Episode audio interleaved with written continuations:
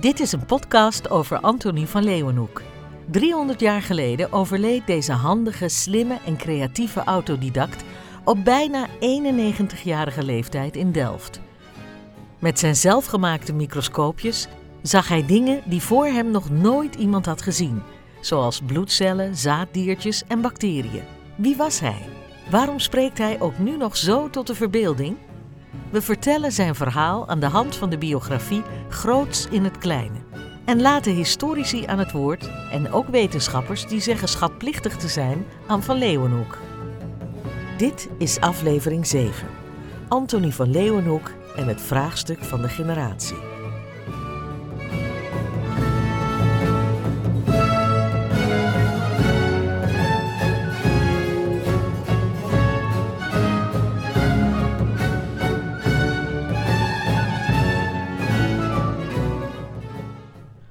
Op 27 juli 1700 schrijft Van Leeuwenhoek aan de Royal Society de volgende woorden. Ook zegt uwe edele dat het een van de hardste materie in de filosofie is, omtrent de generatie door levende dierkens, in de mannelijke zaden, en de dat ik dienst zoude doen aan de koninklijke sociëteit en aan geleerde mensen om die materie verder te onderzoeken. Waarom was de oplossing van het vraagstuk van de generatie zo moeilijk?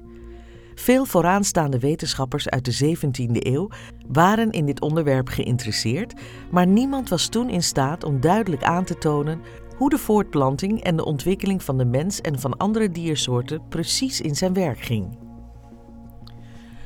Wilde verhalen deden de ronde. Bijvoorbeeld dat vrouwen soms dieren of vreemde monsters konden baren en dat snoeken, palingen en karpers door riet werden voortgebracht. Lagere dieren ontstonden spontaan uit modder of rottend vlees. Degene die een eind aan deze verwarring kon maken, zou veel roem kunnen vergaren, want iedereen wilde weten waar de baby's vandaan kwamen en wat de rol van de man en de vrouw hierbij was. Ook de rol van seks kon niet bevredigend worden verklaard. Seksuele gemeenschap leidt immers niet altijd tot zwangerschap. In de loop van de jaren zijn door grote geleerden allerlei voortplantingstheorieën verkondigd en ook Van Leeuwenhoek kwam met een eigen theorie. Welke theorieën waren nu in zwang voordat Van Leeuwenhoek over zijn zaaddiertjes publiceerde? Later zouden deze theorieën uitgroeien tot het ovulisme en het animalculisme. We beginnen met Hippocrates, de vader van de geneeskunde. Hij constateerde in de vijfde eeuw voor Christus dat mannen tijdens de geslachtsgemeenschap sperma ejaculeren en dat de menstruatie van vrouwen die zwanger zijn stopt. Hieruit leidde hij af dat bij de voortplanting twee soorten zaad bij elkaar kwamen: het sperma van de man en het menstruatiebloed van de vrouw. Uit de combinatie hiervan ontstond volgens hem het nieuwe leven. Aristoteles kwam een eeuw later met een uitbreiding van deze theorie. Volgens hem mengde het mannelijke zaad zich inderdaad met het vrouwelijke menstruatiebloed, waarbij het sperma van de man de eigenschappen van de jonggeborene bepaalde. De man was dus bepalend voor het nageslacht en als het kind meer op de moeder dan op de vader leek, dan kwam dat door de groeiomstandigheden voor het embryo in de baarmoeder van de vrouw. De Grieks-Romeinse arts Claudius Galenus gaf de vrouw haar belangrijke rol bij de voortplanting weer terug. Volgens hem was het vrouwelijke zaad niet afkomstig uit menstruatiebloed, maar scheiden de vrouwen tijdens het hoogtepunt van de geslachtsgemeenschap een soort zaad uit dat zich met het mannelijke zaad vermengt. Een zeer originele andere theorie zien we bij Leonardo da Vinci, de geniale exponent van de Renaissance. Hij tekende omstreeks 1490 een dwarsdoorsnede van de menselijke paringsdaad, die echter meer op seksuele fantasie dan op werkelijkheid lijkt geïnspireerd. Opvallend is het buisje tussen de tepels en de baarmoeder van de vrouw, en even curieus is zijn suggestie dat het zaad van de man vanuit de hersenen via een kanaaltje langs de ruggengraat naar de penis wordt gevoerd. In het begin van de 17e eeuw waren de ideeën van de antieke Griekse geleerden bepalend voor het natuurwetenschappelijke denken in Europa. Aan de universiteiten bestond het onderwijs voor medische studenten voornamelijk uit het van buiten leren van de werken van Aristoteles en Galenus. Vanaf 1630 kwam daar langzaam maar zeker verandering in, toen steeds meer geleerden door middel van observaties en experimenten achter de waarheid probeerden te komen. Het vraagstuk der generatie kreeg hierdoor een zeer sterke nieuwe impuls. Talloze medici en natuuronderzoekers, maar ook filosofen en theologen stortten zich op dit hete hangijzer. Met de beschrijving van alle onderzoekingen en commentaren die in de 17e eeuw op dit gebied werden gepubliceerd, kunnen vele boekdelen worden gevuld. Van Leeuwenhoek refereert in zijn brieven met name aan het werk van William Harvey, Reinier de Graaf en Jan Swammerdam. Kort na de ontdekking van de zaaddiertjes was Van Leeuwenhoek al overtuigd van de grote betekenis hiervan voor de voortplanting. Nee, het waren geen veroorzakers van geslachtsziekten. Nee, het waren geen parasieten en ze waren ook niet het resultaat van bederf. De zaaddiertjes vormden de lang gezochte bron van het nieuwe leven. In zijn brief van maart 1683 legt Van Leeuwenhoek uit waarom. Hij komt dan met een nieuwe theorie, die bekend zou worden onder de naam animalculisme of spermisme. Deze theorie komt er kort gezegd op neer dat alleen het zaad van de man de vrucht vormgeeft en dat de vrouw slechts een bescheiden rol speelt bij de voortplanting. Ze ontvangt en voedt, maar voegt verder geen specifieke eigenschappen aan het in het zaaddiertje aanwezige nieuwe leven toe. Hoewel ook Aristoteles aan de man de hoofdrol bij de voortplanting toekende, was de stellingname van Van Leeuwenhoek in een tijd dat de leer der ovulisten overheerste vrij radicaal. Bekende wetenschappers zoals Christian Huygens, Nicolaas Hartzoeker en later de internationale bekende medicus Herman Boerhaven erkenden ook het belang der zaaddiertjes, maar namen aan dat de vrouw wel degelijk een wezenlijke bijdrage aan het nageslacht leverde. In een brief van 13 juli 1685 beschrijft Van Leeuwenhoek zijn animalculistische opvattingen nog specifieker. Het volgende citaat maakt duidelijk dat hij er niet aan twijfelt dat het ongeboren wezen al volledig, dus compleet met hoofd en ledematen, in de zaaddiertjes aanwezig is. Uit deze beschouwingen blijkt onomstotelijk dat de voortplanting van een dier plaatsvindt vanuit het mannelijke zaad. Want hoewel we in een diertje uit het mannelijke zaad de figuur van een dier niet kunnen zien waaruit het is voortgekomen, toch kunnen we er zeker van zijn dat deze figuur in het mannelijke zaad aanwezig is. En hoewel ik me wel heb ingebeeld dat ik zou kunnen zeggen: daar ligt het hoofd, daar liggen de schouders en daar zie ik de heupen, toen ik de diertjes in mannelijk zaad bekeek, toch was ik er niet zeker van, en daarom wil ik het nu niet beweren. Toch hopen we dat ik nog eens het geluk zal hebben om een dier aan te treffen waarvan de mannelijke zaden zo groot zijn dat we daarin het schepsel waaruit het is voortgekomen zullen herkennen. Uit dit citaat blijkt weer eens de eerlijkheid van Van Leeuwenhoek. Hij erkent ruiterlijk dat hij het veronderstelde wezentje in de zaadcel niet echt heeft gezien, al hoopt hij vurig dat dit nog eens zal gebeuren. Dit verklaart ook zijn uitgebreide zoektocht naar zaaddiertjes bij allerlei diersoorten. Van Leeuwenhoeks aartsrivaal Nicolaas Hartzoeker was ook op zoek naar de inwendige structuur van het zaaddiertje. Hartzoeker publiceerde een tekening van een zaaddiertje met daarin een heel klein mensje in zijn in 1694 verschenen boek Essai de Diotropique. Hij merkte daarbij op dat hij het schepseltje weliswaar niet kon zien, maar dat als het mogelijk zou zijn om door de huid van het zaaddiertje te kijken, we daar waarschijnlijk een klein mensje zouden zien. Helaas waren zijn microscopen hier niet goed genoeg voor. Dat moest Hartzoeker wel erkennen. In dit boek claimde Hartzoeker ook dat hij de eerste ontdekker was van de zaaddiertjes. Toen Van Leeuwenhoek dit las in de Nederlandse vertaling, die in 1698 onder de titel Proeven der Deurzichtkunde uitkwam, greep hij verontwaardigd naar de pen en schreef in een brief aan Harm van Zoelen, oud-burgemeester van Rotterdam en bewindvoerder van de Verenigde Oost-Indische Compagnie, dat Hartzoeker een bedrieger was en dat Johan Ham de echte ontdekker van de zaaddiertjes was geweest. In deze brief voegde hij een Nederlandse bewerking toe van zijn beroemde Latijnse zaadbrief uit 1677. Zelf heeft Van Leeuwenhoek zich nooit aan een tekening van het schepsel gewaagd. Wel zijn er brieven waarin Van Leeuwenhoek meer details beschrijft van het inwendige van de zaaddiertjes. Een voorbeeld hiervan vinden we in zijn brief van 22 januari 1683. Hierin beschrijft Van Leeuwenhoek dat hij twee verschillende soorten zaaddiertjes kan onderscheiden. zowel bij mensen als bij honden. Zouden het geen mannetjes en vrouwtjes kunnen zijn? In een brief van maart 1685 bevestigt hij zijn waarneming van twee soorten nog eens. Maar het verschil is niet erg duidelijk. Misschien wel als hij nog betere microscopen kan maken. Of misschien, denkt hij, is het onderscheid bij andere diersoorten beter te zien. Jaren later, in 1716, is het onderwerp voor hem nog steeds actueel. In een brief aan den hooggeleerden en wijnsvermaarden heren Godfried Leibniz schrijft hij dat ik aan enige diertjes aan de staart, dichte aan het lijf, enig onderscheid zag, waaruit ik in gedachten nam dat er twee soorten waren. Weer doelt hij op mannetjes en vrouwtjes, maar weer is er geen sprake van absolute zekerheid. Van Leeuwenhoek heeft het kleine mensje dat volgens zijn vaste overtuiging binnenin het zaaddiertje zou zitten, nooit gezien. Uiteindelijk moest hij toegeven dat ook zijn microscopen niet konden doordringen tot het grote geheim van de allerkleinste details in het zaaddiertje.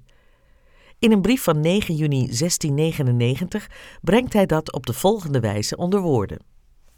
Het menselijk schepsel nu, stel ik vast, leidt besloten in een dierke van het mannelijk zaad, maar dat het menselijk vernuft tot in dat groot geheim zo diep zal indringen dat wij bij geval of bij ontledingen van een dierke uit het mannelijk zaad een gans mens zullen komen te zien, is voor mij onbegrijpelijk. In 1678 geeft Christian Huygens in een brief aan de Royal Society commentaar op het onderzoek van Van Leeuwenhoek over de zaaddiertjes.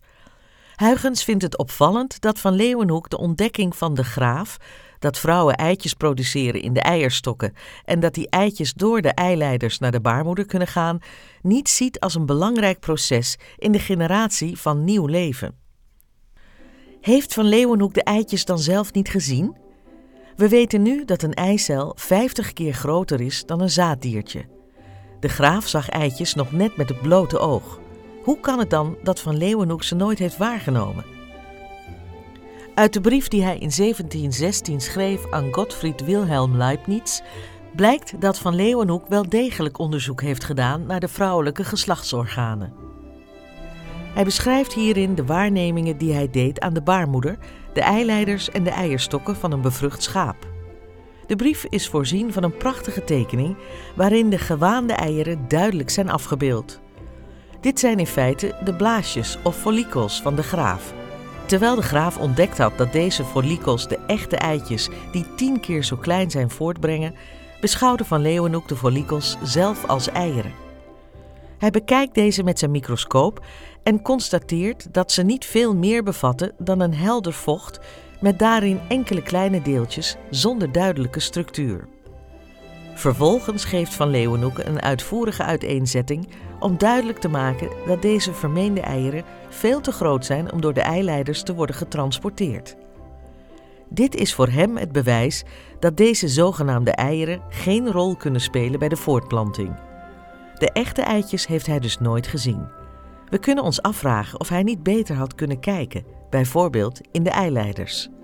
De graaf had immers beschreven dat ze daar moesten worden gezocht.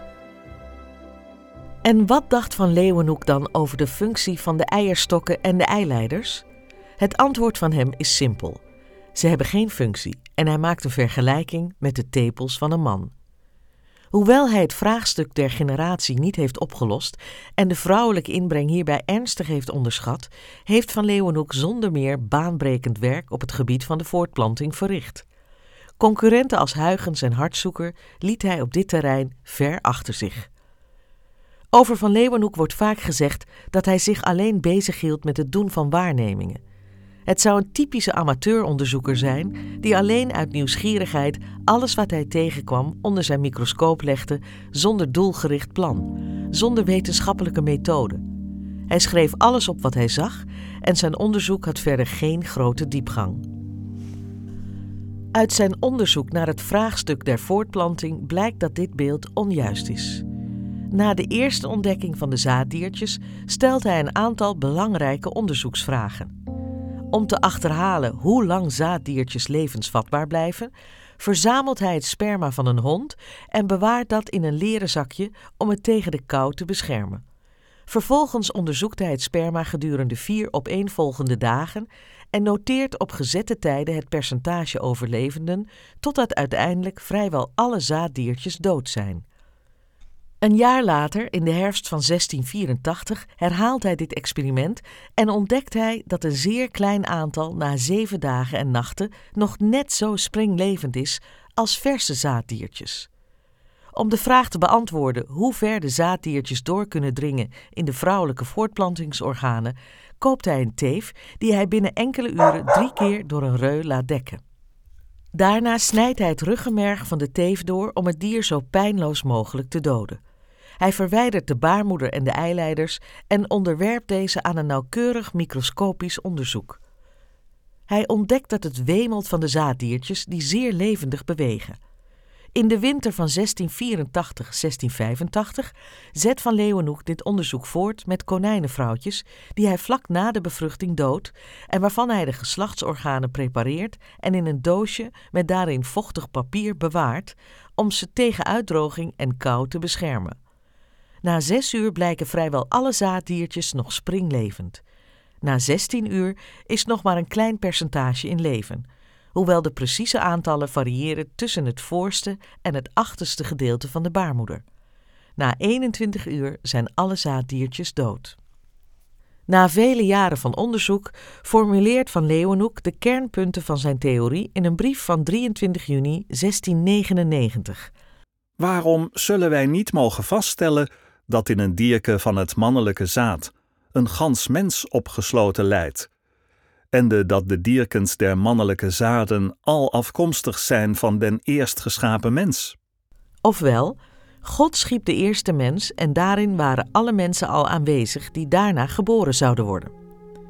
Van Leeuwenhoek ging ervan uit dat het leven geen fysieke grenzen kent en dat in een individu de nakomelingen al in miniatuur aanwezig zijn, compleet met organen en ledematen. Maar omdat in een zaaddiertje een compleet klein mensje zit, heeft dit mensje in zijn minuscule geslachtsorganen ook weer zaaddiertjes, enzovoort enzovoort, vergelijkbaar met de Russische babushka-poppen.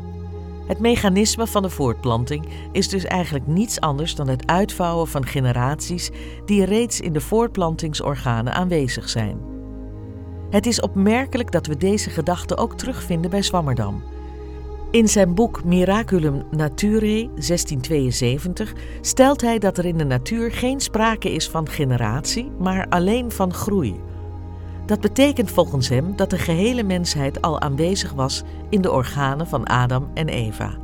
Maar dan niet in de vorm van een zaaddiertje, maar in de vorm van een ei en volgens het babushka-principe ook weer als ei in een ei in een ei, enzovoort. Als de eieren op zijn, betekent dit het einde der mensheid. Merkwaardig is wel dat hij ook Adam noemt als reservoir van de toekomstige mensheid. De diepgelovige Zwammerdam koppelde deze theorie zelfs aan het bestaan van de erfzonde.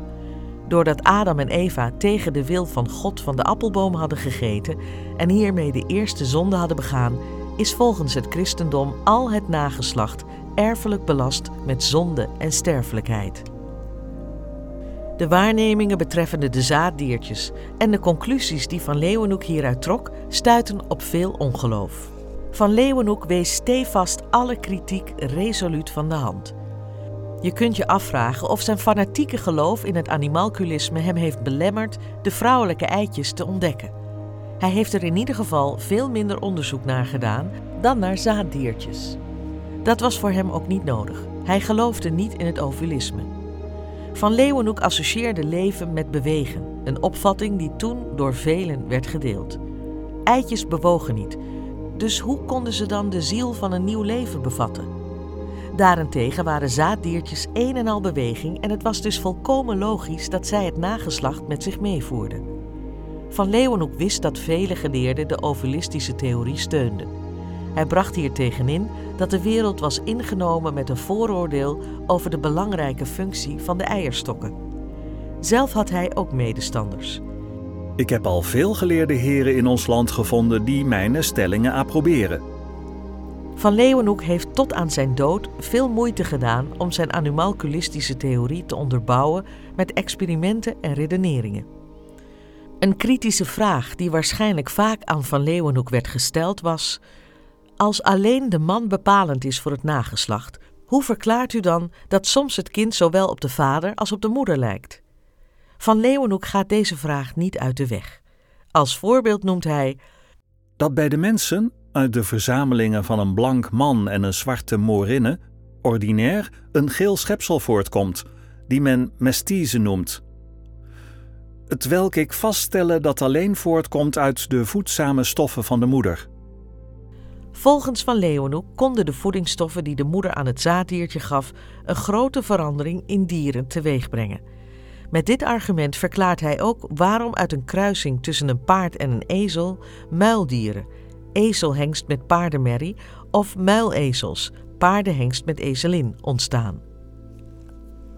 De oplossing van het vraagstuk der generatie kreeg zijn voltooiing met de herontdekking rond 1900 van de erfelijkheidswetten van Gregor Mendel, onder andere door de Amsterdamse hoogleraar Hugo de Vries, en de opheldering van de DNA-structuur door James Watson en Francis Crick in 1953. Op 25 juli 1978 volgde de geboorte van Louise Brown, de eerste reageerbuisbaby, maar het recept hiervoor was wel iets gewijzigd sinds de alchemistische experimenten van Paracelsus. Het vraagstuk der generatie is na vele eeuwen van onderzoek opgelost. De puzzel is af. Talloze onderzoekers hebben in de loop der tijden de puzzelstukken hiervoor aangeleverd. Soms werd de puzzel weer gedeeltelijk afgebroken, dan weer werd een groot stuk aangelegd. De eerste grote stukken van de puzzel zijn gelegd in de 17e eeuw en de amateuronderzoeker Anthony van Leeuwenhoek uit Delft kan beschouwd worden als een van de beste puzzelaars.